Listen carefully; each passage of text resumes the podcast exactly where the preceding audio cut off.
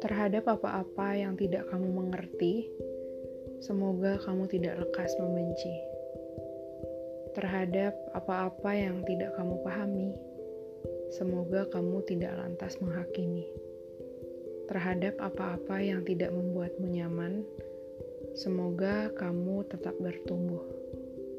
Terhadap apa-apa yang di luar kuasamu, semoga kamu belajar sabar.